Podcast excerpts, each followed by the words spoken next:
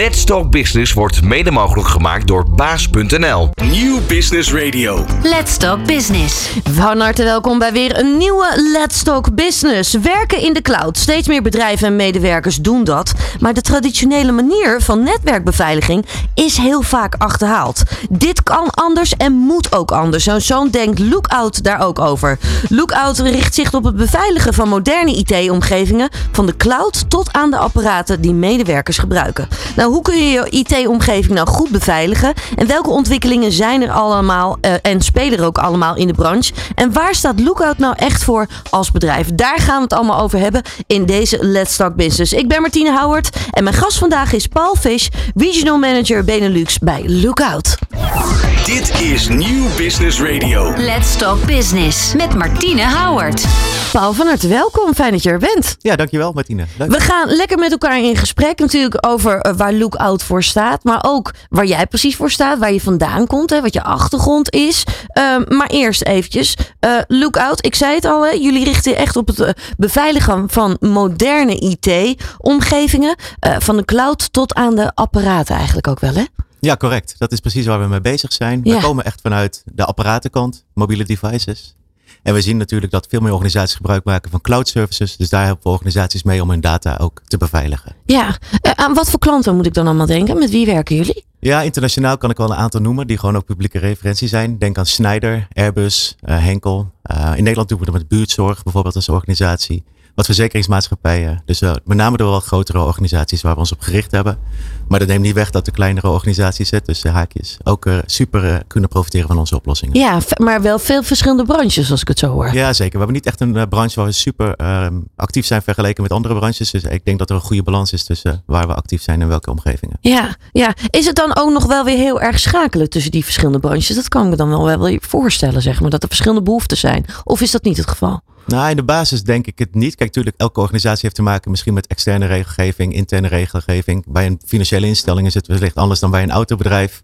Maar onder water, je hebt allemaal te maken met data. Hè, van, van je klanten, van je distributeurs, van je andere organisaties waar je mee samenwerkt. En die wil je natuurlijk veilig houden. Ja, ja, klopt. Ik zei het zojuist al in de introductie. Hè? Steeds meer bedrijven, medewerkers, eh, werkgevers werken met de cloud. Ehm, maar als we dan heel vaak kijken naar de netwerkbeveiliging, die blijft vaak ook nog wel achterhaald. Maar dan komt dat. Ik denk dat alles te maken heeft met eh, de transitie van de digitale transformatie waar we mee te maken hebben gehad. We- waar mensen voorheen met z'n allen op kantoor werkten. Ja. Eh, op apparaten die, eh, desktops bijvoorbeeld, hè, die je niet eens meer in huis kon nemen. We werkten met, met, met de apparatuur die in het datacenter stond van de organisatie of bij hun op locatie. Hè. De data stond er dus ook en de applicaties. Maar door de digitale transformatie zie je dat veel meer organisaties gebruik zijn gaan maken van cloud services, SaaS-applicaties. Eh, er komt nog een stukje COVID overheen natuurlijk met de pandemie. Dus je medewerkers zitten in één keer niet meer allemaal op kantoor. Klopt. En dat, ja, dus het- die zijn allemaal op andere manieren gaan werken. En dat betekent dat je andere omgevingen hebt die je niet meer onder controle hebt. Netwerken die je niet beheert. En daar moet je dus een andere kijk op hebben om dat weer veilig te maken. Ja, dat weer veilig maken is dus echt cruciaal. Juist ook in deze tijden. Hè? Ja, zeker weten. Ja, ik denk dat je het nieuws niet hoeft te lezen. Er is genoeg te doen in de wereld rondom cybercrime. Eh, veel ransomware be- berichten, phishing, eh, malware, noem het allemaal maar op. Dus eh, er gebeurt heel veel tussen de aanvallers en de verdedigers. Ja, nou gaan we straks natuurlijk echt wel dieper op de stof er ook wel in. Hè? Wat je dan allemaal kunt doen. Ehm, maar waar beginnen jullie als jullie met een klant in zee gaan, zeg maar? Is het altijd eerst echt het gesprek aangaan? Inventariseren hoe, hoe een bedrijf ervoor staat? Ja, dat, dat is het belangrijkste. Want anders weet je uiteindelijk niet waar je het over gaat hebben met die organisatie. In het geval dat de organisatie bij ons komt met een heel duidelijk vraagstuk, dan is het iets eh, makkelijker natuurlijk. Maar Ja. over het algemeen zie je dat best wel veel organisaties wel een idee hebben van wat wij doen, maar nog niet in diepte. En hoe we ze op bepaalde manieren zouden kunnen ondersteunen. Dus het is wel goed om een heel goed inzicht te krijgen van joh, waar is die organisatie mee bezig? Welke omgevingen gebruiken zij? Eh, zijn er veel remote werkers? Eh, wat voor data hebben zij? Is het gevoelig, minder gevoelig? Alle soort vraagstukken. En dan kan je vanuit daar wel gerichter aan het werk. Ja, ja. Wat jullie doen, dat is duidelijk. Wa- Wat voor bedrijf zijn jullie ook intern? Wat voor cultuur hebben jullie? Waar moet ik aan denken? Nou, ik denk, eh, we zijn een Amerikaans bedrijf, laat ik dat vooropstellen. Ehm, we zitten ook in Europa uiteraard, het Europese hoofdkantoor in Haarlem. Je ziet dat daar eh, gewoon een, eigenlijk wel een, een relaxte cultuur is. Dus we zijn open, iedereen heeft hetzelfde doel. Ehm, iedereen wil helpen om organisaties te beveiligen. Ehm, ik kan heel makkelijk een mailtje sturen naar het eh, managementniveau. Eh, er wordt op gereageerd. Ehm, weet je, dus er is gewoon veel interactie tussen de verschillende lagen. Ja. Ja, en dat maakt het wel fijn. Dus eh, ik, ik ben wel heel blij met de cultuur. En Wat dat goed. is uiteindelijk super belangrijk. Ja. Hebben jullie ook bepaalde kernwaarden, zeg maar, als bedrijf? Waar moet ik aan denken? Ja, die hebben we zeker. Oh, Ik weet ze niet allemaal uit mijn hoofd eerlijk gezegd. Maar, Hoeft ook niet, hoeft ook niet. maar zeker, nee, we hebben vijf kernwaarden. En er wordt ook eigenlijk elk kwartaal bij, eh, bij de kwartaalmeeting wereldwijd worden mensen genomineerd die aan een van die vijf kernwaarden voldoen. Dus dan kan je zelf mee participeren. Oké. Om je collega te, eh, te promoten daar en te nomineren voor een specifieke eh, aandachtspunt binnen de organisatie. Wat goed. Ja. Wat goed. Zo kun je elkaar dus ook weer een beetje motiveren daar ook wel weer in. Zo is dat. En Ja, blijven die kernwaarden ook leven. 100%. Ja. Super belangrijk. Mooi. Nu ben jij zelf eh, ben je regional manager Benelux bij Lookout. Wat houdt dat allemaal precies in?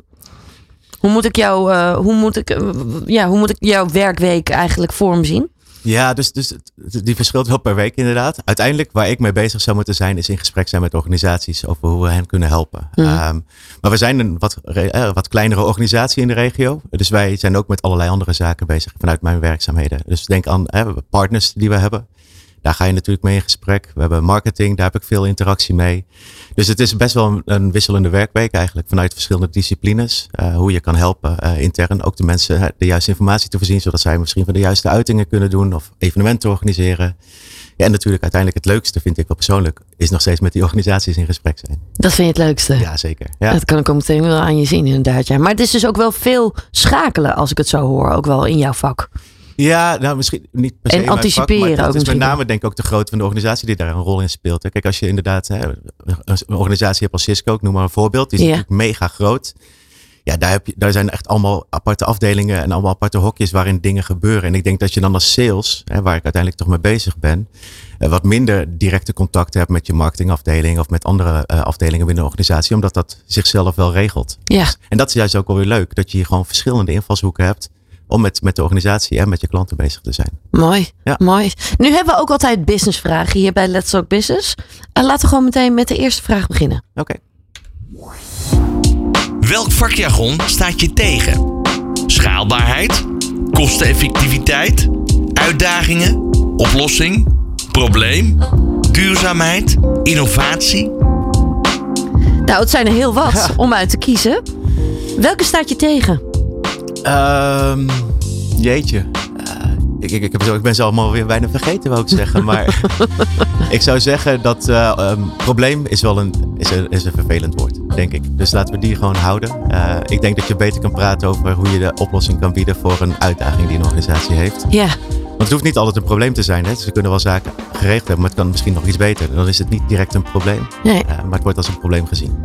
Aan wat voor, laten we het dan geen problemen noemen. Aan wat voor uitdagingen moet ik denken, zeg maar? Met, met wat voor uitdagingen komen klanten bij jullie terecht? Nou, over een aantal. Ik denk, hè, we hebben het gehad over de digitale transformatie. Dat de data staat op devices, locaties en alles wat je niet meer onder controle hebt of Ja. kent. En daar begint denk ik de grootste uitdaging voor organisaties. Dat je gaat inzicht geven, waar staat mijn data, welke devices, welke locaties en welke gebruikers. En vanuit daar ga je wel weer door. Ja, dus eigenlijk wel eerst dat echt dat goed inventariseren. Waar staat nou alles echt precies? Ja. Dat is eigenlijk misschien nog wel het allerbelangrijkste in het begin. Ja, zichtbaarheid. Als je niet weet waar je op moet focussen, dan kan je het ook niet doen natuurlijk. Ja. Ja. Kun, je, kun je wellicht ook een voorbeeld geven hè, van een project waar jullie dan eh, mee bezig zijn en waar je dan tegenaan loopt? Ja, zeker. Kijk, we hebben misschien wel een mooi voorbeeld van een, een, een test die we gedaan hebben recentelijk bij een organisatie. Ehm, we hebben daar twee weken een oplossing eh, draaiende gedaan. En wat we, die organisatie zag, en wij natuurlijk ook, is dat er binnen twee weken tijd maar liefst 1600 documenten de organisatie verlieten, die eigenlijk niet de organisatie hadden mogen verlaten. Mhm. En eigenlijk waren er een aantal medewerkers die documenten verstuurden naar, eh, naar mensen per e-mail en hun zelf op de BCC zetten, zodat zij ook die documenten kregen. Ja, dat is natuurlijk iets wat je niet snel kan detecteren, tenzij je daar de juiste inzichten in krijgt. Ja. ja. Dus dat is denk ik wel een heel relevant voorbeeld. Er gebeurt zoveel meer dan organisaties zien onder water. En daar wil je eigenlijk weer in controle komen. Ja, dus het heeft ook vaak met een heel stuk bewustzijn te maken, wat vaak ook nog ontbreekt, misschien ook nog wel. Of misschien weten mensen het wel, maar ze weten niet eens waar ze moeten kijken. Nou, klopt. Kijk, dat is denk ik de bewuste insider threat. Dat is wel een mooi kernwoord de laatste tijd wat je veel hoort. Je hebt natuurlijk mensen die bewust informatie willen stelen van een organisatie. Misschien gaan ze weg, downloaden ze nog even een database met contactgegevens. Mhm. Maar je hebt ook best wel mensen die het onbewust doen. Hè? Onbewust eh, lekken van data. Dat kan per e-mail zijn of een ander kanaal. Ehm, en die voorbeelden zijn er ook genoeg. Hè. Laatst was er een, een bouwmaatschappij die een mail uitgestuurd had naar allerlei mensen. En een bijlage erin met allerlei informatie over financiële gegevens van die personen. Ja, dat soort dingen zijn best wel eenvoudig te blokkeren. Maar ja, moet je wel weten waar het begint. Ja, En dan moet je de juiste policies in plaats hebben. waar moet je dan beginnen? Want dit is inderdaad zo'n voorbeeld wat, zo, wat zomaar kan gebeuren. Bij iedereen eigenlijk bijna zomaar kan gebeuren. Ja, dus als, als je niet de juiste maatregelen ingeregeld hebt om te zeggen van nou, dit document wil ik überhaupt niet dat die in de buitenwereld belandt. Ja, Ja, dan, dan, dan heb je wel een uitdaging daar natuurlijk. Hè? Of het probleem wat we misschien net zeiden. Maar je wil dus eigenlijk weten van wat voor documenten heb ik intern, wat voor informatie zit erin en is het publiekelijk beschikbaar of eh, zitten daar toch nog wat restricties aan als ik het ga delen. En daar kan je allerlei security maatregelen in, eh, in gaan regelen. ja, ja. Nu werken natuurlijk steeds meer mensen in de cloud. Hè? Eh, dat, dat wordt eigenlijk alleen maar volgens mij meer en meer en meer. Zeker. Dat goed beveiligen, beveiligen is dus ook echt cruciaal. Zeker weten. Ja, dat is, dat is ook precies wat er op dit moment denk ik aan de gang is. Heel veel data is al vertrokken vanuit je datacenter of vanuit je eigen omgeving. Mhm.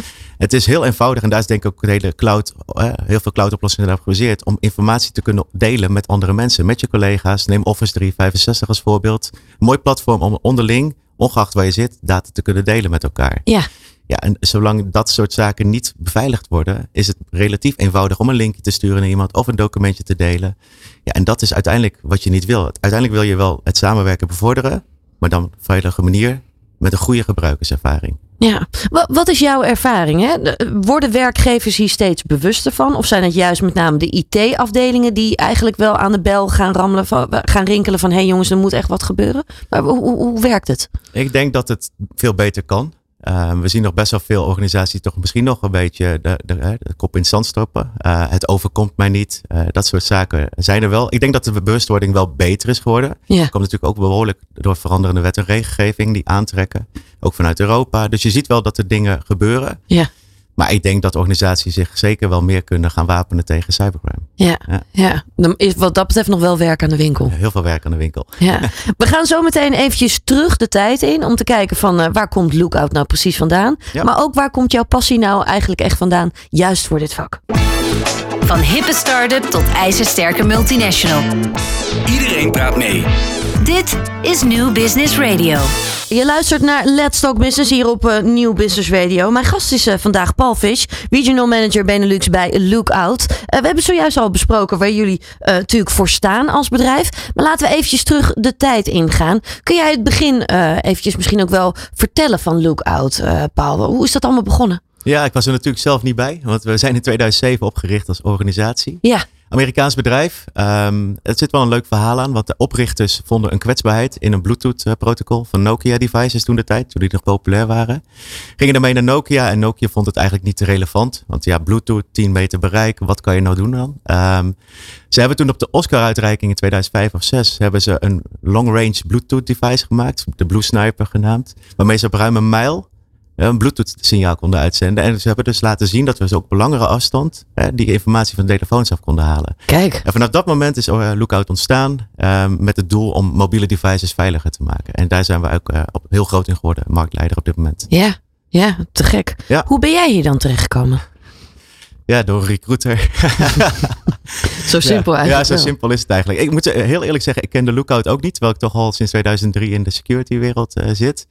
Maar het verhaal sprak me heel erg aan. En uh, het, het, is de markt, de mobiele devices beveiligen, waar Lookout toen nog uh, ja, heel volledig gefocust op was. Ja. Ja, dat is niet wat veel organisaties doen. En ook niet wat veel organisaties beseffen. Dat mobiele devices echt wel kwetsbaar zijn. Ja, ja. Dus ja, dat is gaaf. Je zei het zojuist al, hè, sinds 2003 in deze IT-wereld uh, werkzaam. Ja. Waar komt die passie vandaan? Had je dat als klein jochie al? Was je toen al heel erg met dat soort dingen bezig of helemaal niet? Nee, totaal niet. Nee, nee daar ook. Ik zag een advertentie uh, toen nog in de krant. Want zo ging dat in 2002, 2003. Ja. En daar heb ik op gereageerd, omdat ik, het leek me wel interessant. Um, het heette toen nog network security inderdaad, of IT security. Ja, en dat leek me wel interessant om daar eens wat meer van te leren. En ik ben dus in dit distributieland begonnen toen de tijd. Dus eigenlijk uh, tussen de fabrikanten en de uh, partijen die het echt verkopen aan organisaties in. Ja, superveel geleerd. En daarna de stap gemaakt naar een integrator. Dus feitelijk meer daadwerkelijk direct eindcontact met de gebruikers. Uh, een organisatie SecureLink. Heb ik elf half jaar gezeten. En ja, toen dat verhaal over was, uiteindelijk ben ik bij Lookout terechtgekomen. Ja, als je nu eventjes terugkijkt, hè, wat heb je juist echt wel geleerd bij voorgaande uh, werkgevers? Wat, wat je nu eigenlijk nog steeds met je meeneemt? Nou, dus ik denk eh, vanuit de positie waar ik hiervoor zat bij SecureLink. Um, het was een integrator die best wel een breed portfolio had. Dus op meerdere aanvalsvlakken van een organisatie kon helpen. Um, met, met producten leveren zoals firewalls, e-mail security. Maar ook uh, diensten. Ik denk als een uh, security operating center met as a service. Dus dat je meer gaat detecteren of er dingen gebeuren. Mm -hmm. Dus mijn kennis is best wel breed daardoor geworden. En ondanks dat we nu in een wat kleiner speelveld zitten. Bij veilige mobiele devices en data- en cloudomgevingen. Ja, helpt het zeker in gesprekken met organisaties. Omdat je gewoon veel meer kan vertellen dan alleen dat stukje wat wij doen. Ja. Dus ja. dan kan je echt als een adviseur ook optreden. Ja, dat is wel jouw ding volgens mij, hè? Ja, vind ik leuk. Ja, ja. ja zeker. Wat, wat vind je daar zo mooi aan? Nou, het leukste vind ik eigenlijk.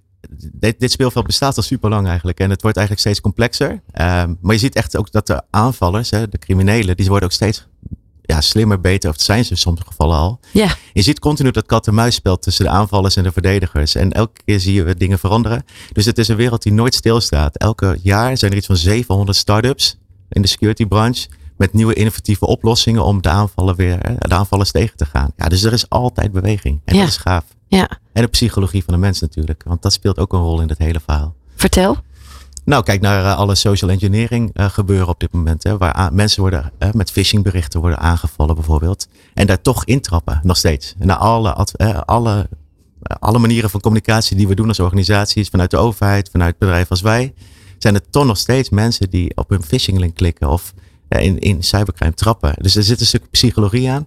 Ja, en dat is ook gewoon interessant. Ja, als ik het zo zie, dan, dan, dan zit het wel inderdaad in dat adviserende rol. Dat vind je heel erg leuk. Maar juist ook al die ontwikkelingen, dat er veel gaande is, dat er veel beweging is.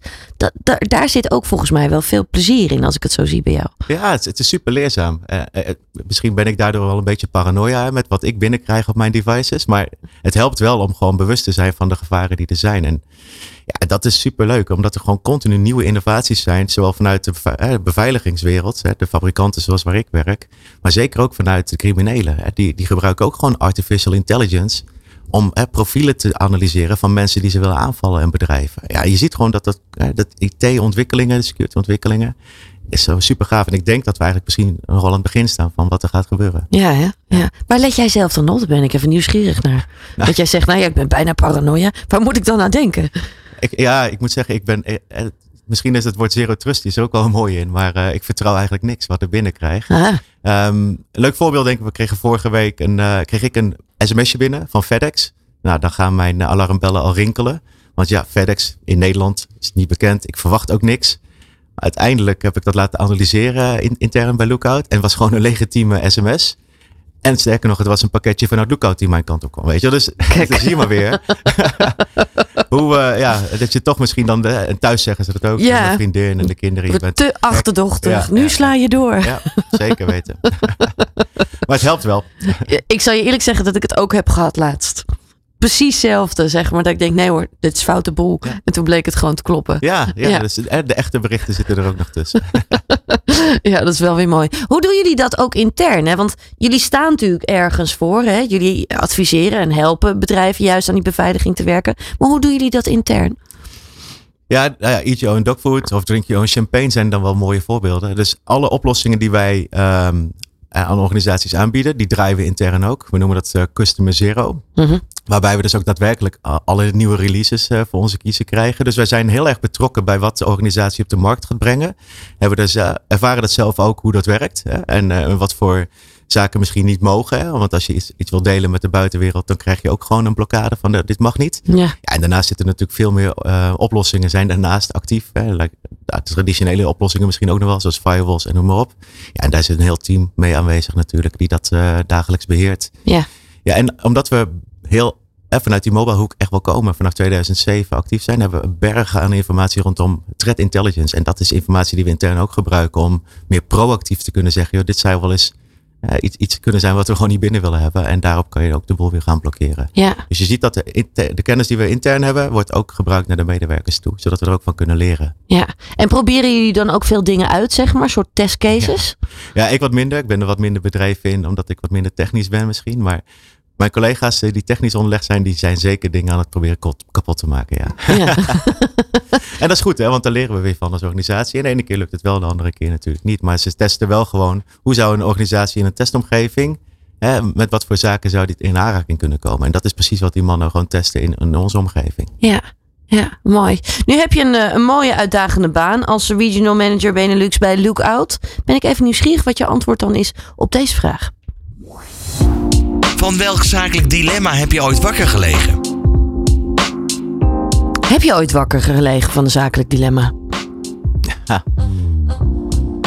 Ehm, nou, ik denk het niet. Ik denk dat ik met een eervol geweten kan zeggen dat ik richting mijn klanten juist adviezen geef op basis van de kennis die ik heb. Mhm. Ehm, dus niet dingen beloof die niet kunnen.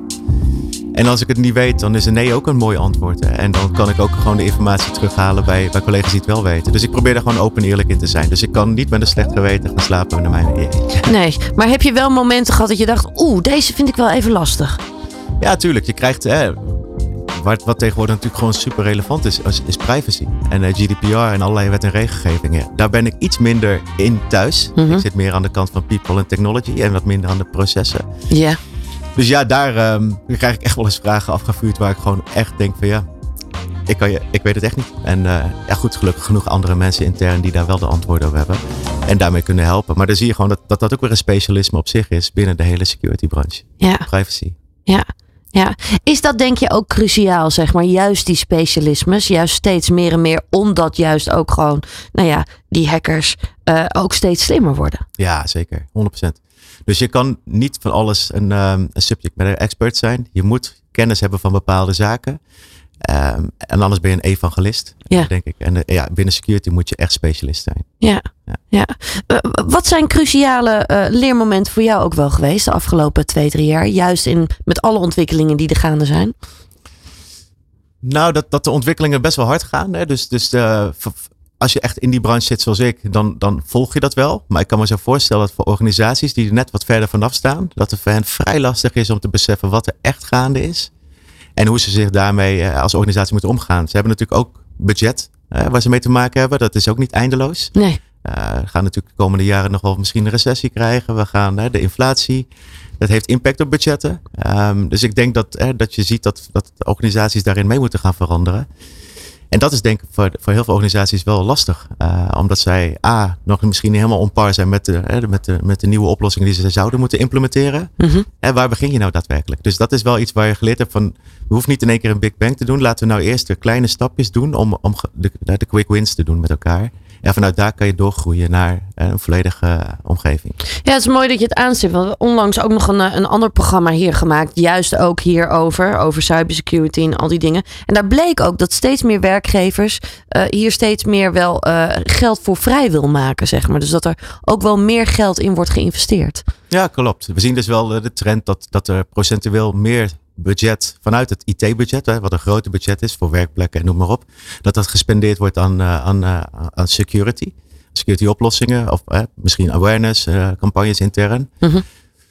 Maar ja, het is eigenlijk nooit voldoende, denk ik. Eh, omdat er zoveel dreigingen zijn waar organisaties zich tegen moeten wapenen, eh, is het gewoon bijna niet te doen om je volledig 100% te veilig te houden. Dat, en dat is natuurlijk ook een utopie. 100% veiligheid bestaat niet. Ja, het blijft ook dus ook gewoon een ongoing process, zeg maar. Ja, security is een proces. Ja. Ja, geen product. Ja, ja. Ehm, als we dan nog eventjes kijken, hè, we gaan natuurlijk straks echt verder in op alle trends, alle ontwikkelingen, juist ook intern, maar ook in jullie branche, eh, wat er allemaal speelt. Ehm, als we kijken hè, naar de afgelopen jaren, eh, naar Lookout zelf, eh, wat zijn belangrijke stappen voor jullie als, als bedrijf geweest? Ja, het is goed. Ik, ik, ik kan zeggen, vanuit 2007 zijn we natuurlijk begonnen, wat ik, eh, wat ik net zei. Eh, beveiligen mobiele devices. Dat was toen heel erg gericht op de consumentenmarkt. In 2016 is daar de, de enterprise versie van gekomen. Zodat organisaties ook de oplossing kunnen gebruiken met een centraal dashboard. Met integraties met andere oplossingen die ze hebben. Ja, dus dat is eigenlijk al een, een nieuwe stap, zeg maar, Lookout 2.0. Ehm, vorig jaar hebben we een organisatie overgenomen, Cybercloud. Ehm, en die leverde eigenlijk oplossingen om data veilig te houden. In clouds en om, met applicaties die zowel private als eh, public draait. Dus dat is eigenlijk Lookout 3.0 als je zo moet zeggen. Dus we zijn behoorlijk veranderd als organisatie van consumentenproduct naar enterprises. En daarna eh, endpoint to cloud feitelijk, wat we dus nu leveren. Ja, mooie ontwikkeling. Ja, zeker. Ja, het, heeft, eh, het hele mooie ontwikkelingen.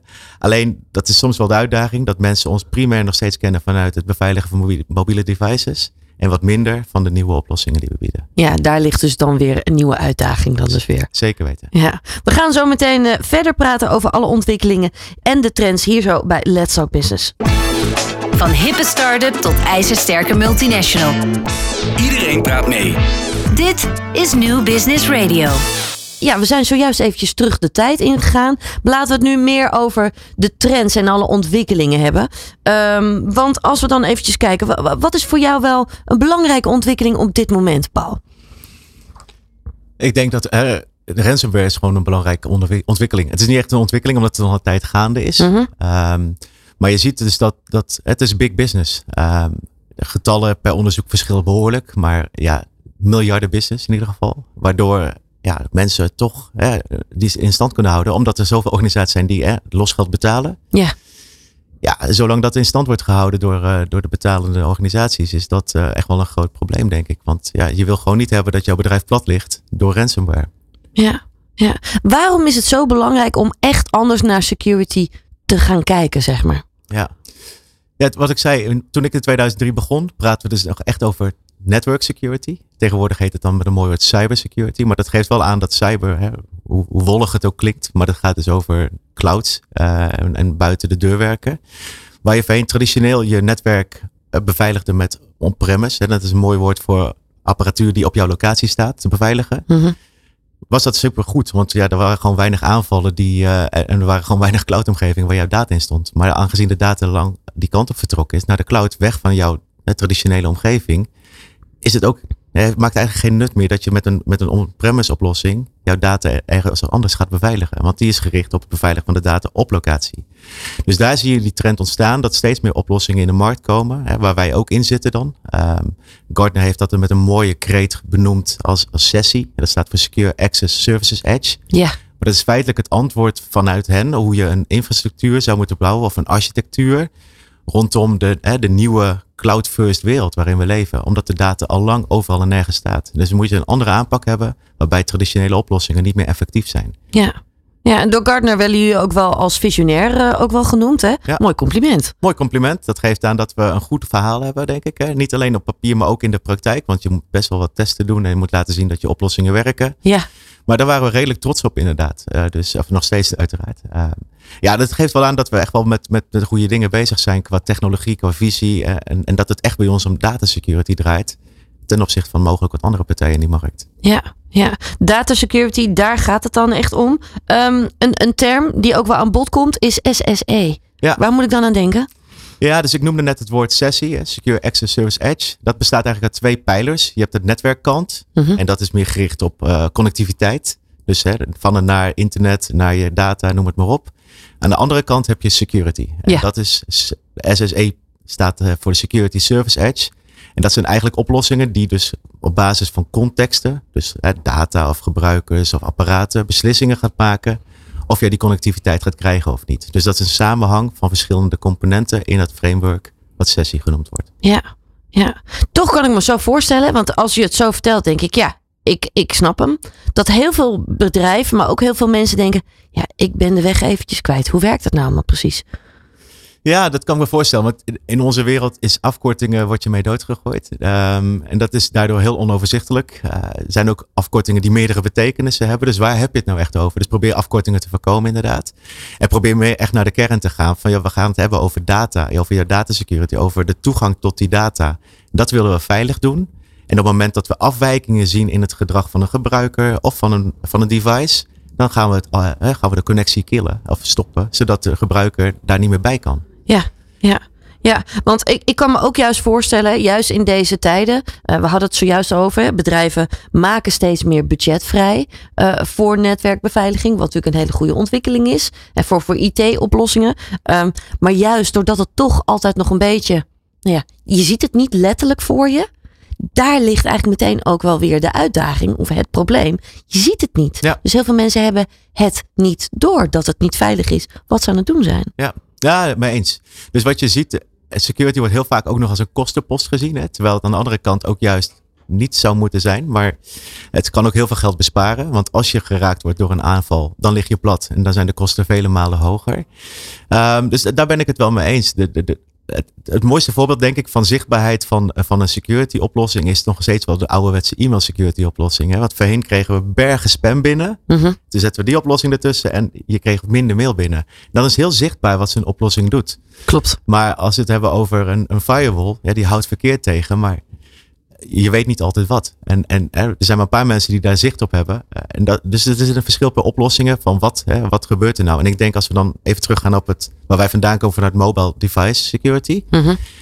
Wij nemen de gebruiker ook daadwerkelijk mee op het moment dat hij een phishing bericht zou binnenkrijgen via een kanaal, sms of, of mail of wat dan ook. En toch zou hij erop drukken. Dan krijgt hij een pop-up van dit is niet goed wat je doet. Hè? Of je kan het helemaal customizen, maar dan krijg je in ieder geval een opmerking van dit is niet helemaal, helemaal lekker. En vanuit daar krijgt hij een hele beschrijving van wat is er aan de hand, waarom heb je dit gedaan en zo kan je het weer oplossen. Dus je moet ook wel de gebruiker coachen van hè, wat, wat ben je aan het doen. En dan zie je eigenlijk wel de impact van security oplossingen. Dus probeer ze erbij te betrekken. Uh, en, en, en laat zien dat je dat in place hebt om, om hen ook te beschermen. Ja. ja, en ik kan me ook voorstellen, juist ook met die mobiele achtergrond die jullie hebben, dat usability is voor jullie ook weer heel belangrijk. Dus dat het juist voor de mensen die het gebruiken of er gebruik van maken, ook makkelijk is en, en goed te begrijpen is wat Ja. er dan gebeurt. Ja, zeker. Kijk, we hebben het voordeel, of het geluk in Nederland, dat we ook Nederlandse taal hebben in de app. Dus uh, het is een app op je mobiel device. Um, waarbij we dus de gebruiker beschermen tegen, hè, tegen aanvallen. Uh, waar ze privé ook nog wat aan hebben. Want op een mobiel device draai je ook privé-applicaties. Je banking, uh, noem het maar op. En je, je eigen Facebook, whatever, dat soort applicaties. Ja. Die kan je daarmee ook veilig houden. Dat niet daarmee je, je, je gegevens worden gestolen om, om te kunnen inloggen. Dus het helpt zeker wel om, om mensen daarbij te betrekken en, uh, en bewust van te maken. Ja, mooi. Um, een ander iets wat ik hier ook nog uh, voorbij zag komen. De security aanpak die marktanalisten en het topmanagement van bedrijven zien als het beste antwoord op deze ontwikkelingen, wordt ook wel SESI genoemd. Secure Access Service Edge. Ja. ja, dat is precies waar wij dus in zitten. En dat is wat ik aangaf. SESI is een is een, is een, is een gedachtegoed, is een blauwdruk. Ja. Waarin je heel veel verschillende componenten hebt om uh, connectiviteit en security te kunnen regelen in, in een heidendaagse wereld. En je ziet ook uit onderzoeken dat heel veel top, topmanagers, hè, er was laatst ook een onderzoek dat ik gelezen heb, die zien echt wel de meerwaarde van, van sessie uh, in algemeenheid. En om daar te komen, dat, dat, dat ben je niet zomaar. Dat, is een, dat, is een, dat zijn moet je kleine stapjes doen. Maar het is wel goed om erover na te denken dat hè, de manier hoe we in in het verleden op een traditionele manier onze data beveiligd of onze netwerken, dat dat niet meer werkt. Ja. En dan is denk ik sessie een mooi framework om vanuit daar te kunnen doorpakken van joh, welke componenten, welke security controls, op wat voor dingen moet ik nou gaan letten uh, om, om in ieder geval veilige connectiviteit te bieden naar mijn applicaties en de data veilig te houden. Kun je daar nog eens uh, ons in meenemen, zeg maar? Ja, ik, ik weet dat daar natuurlijk, daar hebben we eigenlijk nog veel meer tijd voor nodig, maar uh, eventjes, neem ons eens mee. Ja, dus, dus de vragen die wij veel krijgen is van, eh, laat ons maar zien wat er gebeurt met, met, met data. Um, ik, ik, denk dat er heel veel voorbeelden zijn te noemen waarbij een organisatie eh, data mag delen met andere organisaties. Maar wat gebeurt er nou op het moment dat die data daadwerkelijk jouw infrastructuur verlaten heeft? Dus je hebt een applicatie, neem Office 365, een populaire applicatie natuurlijk, hè, met allerlei subprogramma's erin. Ja. Wat nou gebeurt er op het moment dat de gebruiker dat document downloadt en verspreidt? Misschien mag dat wel gewoon. Maar je kan ook voorstellen dat het niet mag. En dan wil je eigenlijk zorgen dat op het moment dat de data gedownload is, dat het ook buiten jouw infrastructuur veilig blijft. En daarvoor hebben wij ook oplossingen in huis. Dat is gebaseerd op digital rights management. Misschien ken je het nog van de oude dvd's met de regio's. Dat je in Europa een dvd uit Amerika niet kon spelen. Dus die technologie zit erachter. Maar wij kunnen dus op het moment dat de gebruiker data downloadt, kunnen we het versleutelen. En we kunnen dan zorgen dat alleen de gebruiker die daadwerkelijk toegang heeft tot die data door middel van een certificaat op het apparaat, dat bestand kan ontsleutelen. En op het moment dat hij doorstuurt naar een privéapparaat, dan zeggen ja, dat apparaat kennen we niet. Dus we gaan het bestand gewoon versleuteld houden en kan niemand het inlezen. En zo hou je ook data buiten je omgeving veilig. Ja. En dat zijn wel voorbeelden waar we met organisaties over spreken. En je ziet dat, dat, wel, dat ze dat interessant vinden. Ja, ja, als ik het dan ook zo hoor, dan is het iedere keer eigenlijk ook wel een stapje verder, zeg maar. Het is niet één stap, één stap van beveiliging. Nee, het zijn dan eigenlijk allemaal verschillende soorten stappen. Ja, zeker. Ja, ik denk dat samenwerken, niet alleen met intern in je eigen oplossingen, maar ook met een breder ecosysteem van de oplossingen die je al in huis hebt. Dus informatie uitwisselen tussen alle verschillende systemen, dat is denk ik uh, key. Dus de informatie die jij hebt in jouw omgeving moet je eigenlijk kunnen delen, real-time met andere omgevingen, zodat ze daar ook uh, gelijk een actie op kunnen ondernemen. Ja. Ik lees hier ook, hè, dat komt dan uit het onderzoek, 3 op de 5, 61% is van mening dat door de snelle digitale transformatie en migratie naar de cloud traditionele security oplossingen niet meer voldoen. Nou ja, uh, daar hadden we natuurlijk al wel echt over. Maar sessie wordt dan wel echt gezien, 9 op de 10, 89%, uh, als relevant voor de organisatie. Dus uh, men gelooft er wel heel erg in, in deze manier van werken. Ja, Ja, ik ben er ook van overtuigd dat dat de manier moet zijn. Ehm, een andere aanpak dan hè, in het verleden. Omdat we gewoon niet meer kunnen focussen op één deel waar de informatie staat. Je moet een bredere aanpak hebben. En dat, het liefst ook hè, omdat je in de cloud werkt. En al je data staat in de cloud. Moet het ook vanuit de cloud gebaseerde oplossing eh, zijn. Die veel schaalbaarder is. Sneller in verwerken. eh, en natuurlijk overal draait. Ja, ja. Nou kan ik me voorstellen, hè, het is natuurlijk een knetterdynamische wereld waar je in zit. Iedere dag zijn er wel weer nieuwe ontwikkelingen. Hoe blijf je als bedrijf ook up-to-date? Waar halen jullie inspiratie vandaan? En hoe zorg je ervoor nou ja, dat je ook de concurrentie voorblijft? Ja, ik denk dat je ten eerste gewoon leert van je eigen klanten. Hè, dus wat gebeurt daar? We zien natuurlijk eh, re- redelijk veel eh, aanvallen gebeuren op, eh, op eh, onze klanten. Ja, Dus ook daar- natuurlijk in verschillende branches wat in dat verschillende betreft. branches. Dus daar krijg je goede inzicht in. Die informatie proberen we ook te delen met, hè, met, met rapporten en dat soort zaken. Zodat we daar ook over kunnen rapporteren. Wat we zien. In, en natuurlijk niet met de namen van de organisatie erachter. Maar wel gewoon in de algemeenheid. Ja, Ehm, ja, en er zijn voldoende eh, evenementen wereldwijd waarbij je ook gewoon continu eh, geïnformeerd kan worden over de nieuwste ontwikkelingen. Eh, dus, dus ja, continu blijven volgen van dat soort ehm, evenementen, van, van webinars, noem maar op. Natuurlijk op het topmanagement zitten er weer hele andere manieren om informatie te krijgen, want waar zijn we bezig zijn. Maar vanuit mijn rol vind ik het wel interessant om continu evenementen te bezoeken, trends te horen ehm, en op die manier die weer te gebruiken in je gesprekken. ja.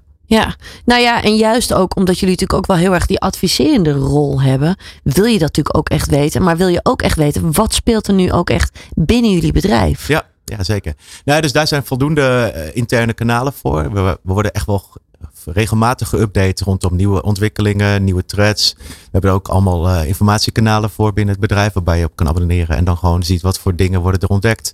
Dus op die manier probeer je echt wel relevant te kunnen blijven, ook voor jouw eh, gesprekspartners. Ja, ja. Cruciaal lijkt mij zo, juist in deze tijd. Zeker weten. Zometeen in het vierde blok van deze Let's Talk Business gaan we kijken naar de toekomst. Luister mee.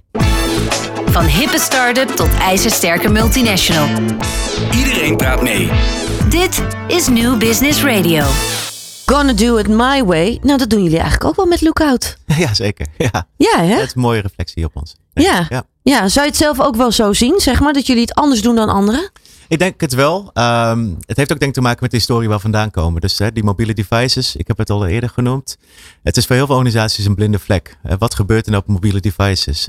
En onderzoek leert uit dat ongeveer 50% van alle aanvragen naar data hè, van organisaties komt vanaf een mobiel device. Ja. iOS, Android, een tablet.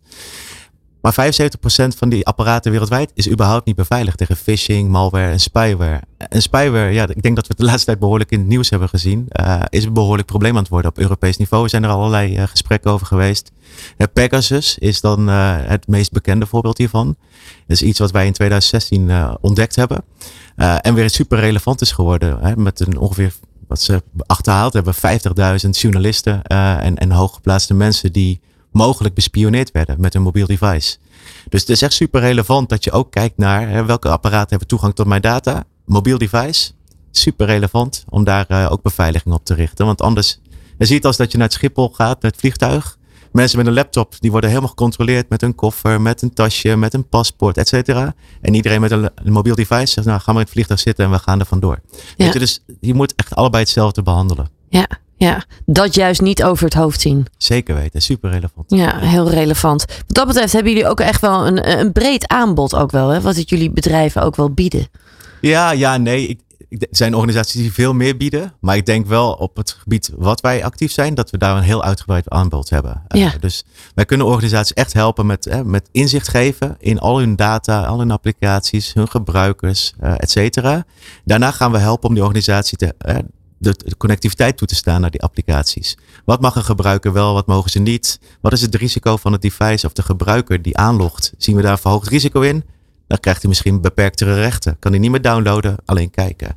Uiteraard wil je ook zorgen dat hè, de data veilig blijft. Dus dat is prevent, hè, bes- beschermen van de data. Ook buiten de omgevingen, zoals we net gezegd hebben. Mhm. En je wil je natuurlijk wapenen tegen de tegenwoordige eh, aanvallen eh, vanuit criminelen. Eh, tegen ransomware, tegen phishing en al dat soort zaken. En als je dat allemaal in orde hebt, ja, dan kan je hè, met compliance bezig zijn. Want organisaties moeten ook bezighouden met wet en regelgeving. En het is natuurlijk wel mooi om te zien dat je daaraan voldoet.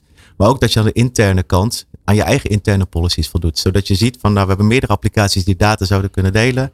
En binnen al die applicaties zien we dat dat niet kan. Of dat kan onder deze omstandigheden. Dus dat je daar een mooie uh, ja, generieke overzicht over krijgt die je kan rapporteren. Ja, ja, nou komt het uh, eigenlijk altijd nog wel weer tot een businessvraag hier zo uh, bij, uh, bij Let's Talk Business. Um, zullen we hem gaan doen? Uiteraard. Ja? Oké, okay, daar gaan we. Tegen de stroom in of met de stroom mee? Nou, tegen de stroom in is natuurlijk interessant, want daar val je op. Maar uiteindelijk gaat denk iedereen wel met de stroom mee. Je moet natuurlijk wel zorgen dat je continu blijft innoveren, dat je nieuwe dingen doet. En uiteraard wordt er ook naar elkaar gekeken. Wat wij doen, dat doet uh, misschien een andere partij ook. En een andere partij niet, en die gaat het ook doen. Dus ja, uiteindelijk ga je wel met de stroom mee, denk ik. Uh, maar het is wel leuk om af en toe je hoofd boven het, uh, het uh, bekende gas te stoppen. Ja, ja. Wellicht met een nieuw concept dan ga je tegen de stroom in, zeg maar. En daarna kijken, hey, hoe kunnen we mensen daar dan ook echt bij helpen? Ja, zeker ja. weten. Um, als we kijken naar de toekomst en trends, wat kunnen we gaan verwachten? Ja, dus ik, ik denk het artificial intelligence stuk is iets wat wel redelijk um, ik denk dat een grote vlucht gaat nemen. Dus ik heb laatst een uh, presentatie gezien van, uh, van Cyber Reasons, van Sebastian Beck. En die zijn heel erg bezig met hoe zijn attackers nou bezig. En die zien hè, vanuit een, een aanval heb je eigenlijk zeven stappen uh, voor een succesvol aanval. En het grootste onderdeel daarvan is inventariseren. Wat doet de gebruiker? Hoe gaan we iemand aanvallen? De reconnaissance fase heet dat.